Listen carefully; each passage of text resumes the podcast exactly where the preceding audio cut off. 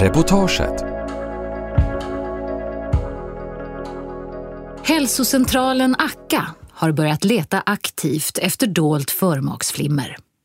Patienterna kommer till vårdcentralen för en vanlig årskontroll och går hem med fullt behandlat flimmer. Undersköterskan Kajsa Lundqvist kopplar vant på plåster med elektroder på patienten Nisveds överkropp.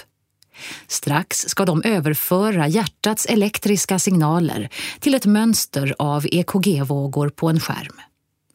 Tio sekunder av EKG-vågor spelas in och efter det mäts blodtrycket.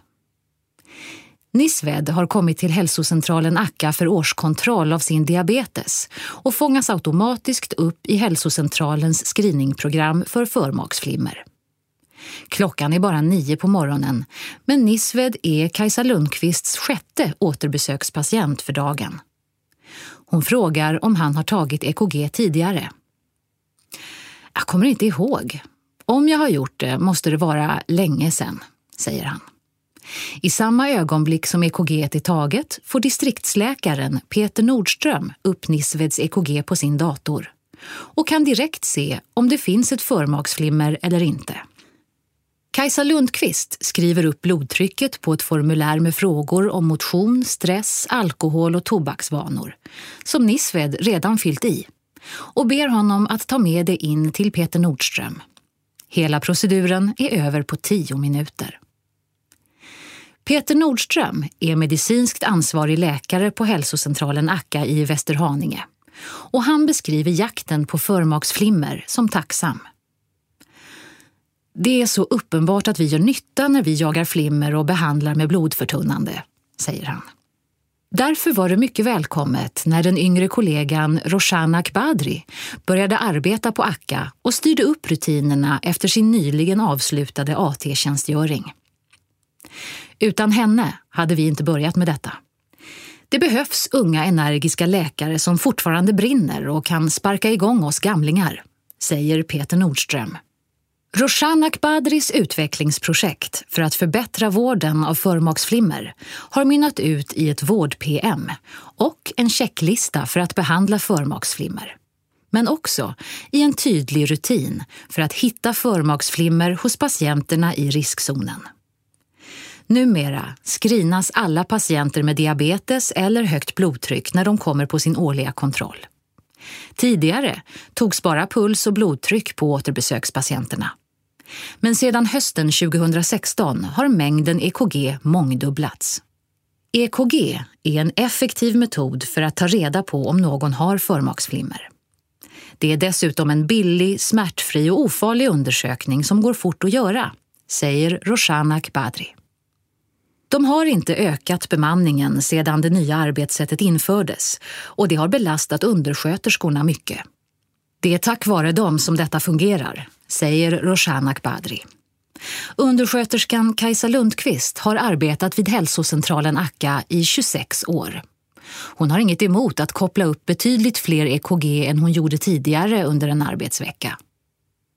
Bredvid EKG-apparaten ligger en almanacka där undersköterskorna sätter en pinne för varje EKG som tas. Förra veckan gjordes 55 undersökningar och förrförra 46.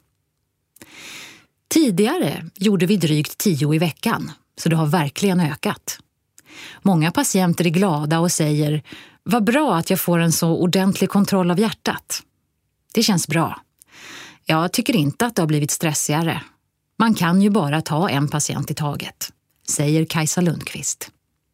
För läkarna på Akka är det oerhört tacksamt att ett EKG är taget precis före återbesöket.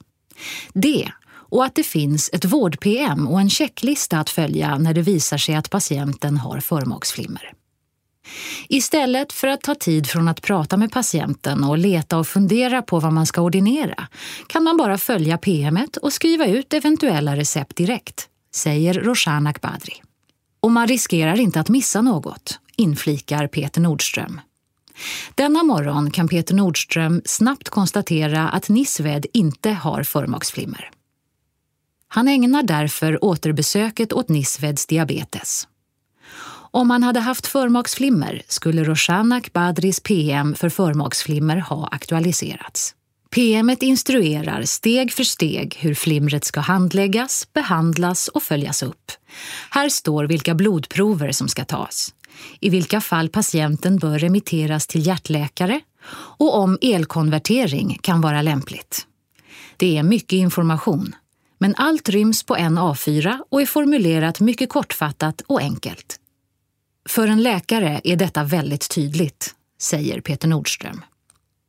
Sedan de började med screeningen har de hittat två patienter i månaden med förmaksflimmer. Dessa har fått blodförtunnande behandling för att förebygga stroke enligt Kloka listan som är Stockholms läns landstings lista med evidensbaserade rekommendationer av kostnadseffektiva läkemedel. Men det är inte alla förmaksflimmer som ska behandlas. Första punkten på PMet är att fylla i en checklista för att se om det finns kontraindikationer mot att behandla. Dock har alla patienter med förmaksflimmer som har hittats på ACKA sedan oktober fått medicinsk behandling mot sitt flimmer. Det är väldigt potenta läkemedel och de som får medicinsk behandling träffar alltid en sjuksköterska som ger information om det läkemedel vi har skrivit ut, säger Roshan Akbadri. Det nya vård-PMet har Roshan Akbadri med stöd av Peter Nordström satt ihop utifrån de senaste rönen om blodproppsförebyggande behandling vid hjärtflimmer. De påpekar båda två att PMet och checklistan är godkända av hjärtspecialister vid både Danderyds sjukhus och Södersjukhuset i Stockholm. De vill gärna att arbetssättet sprids och uppmanar andra vårdcentraler att ta del av deras PM och checklista. Nisved är färdig med sitt återbesök. Hans EKG-kurva såg exemplarisk ut med tydliga p-vågor som visar att hjärtat får normala elektriska signaler. Det är mycket bra att de kollar hjärtat. Undersökningen kändes ingenting, säger han.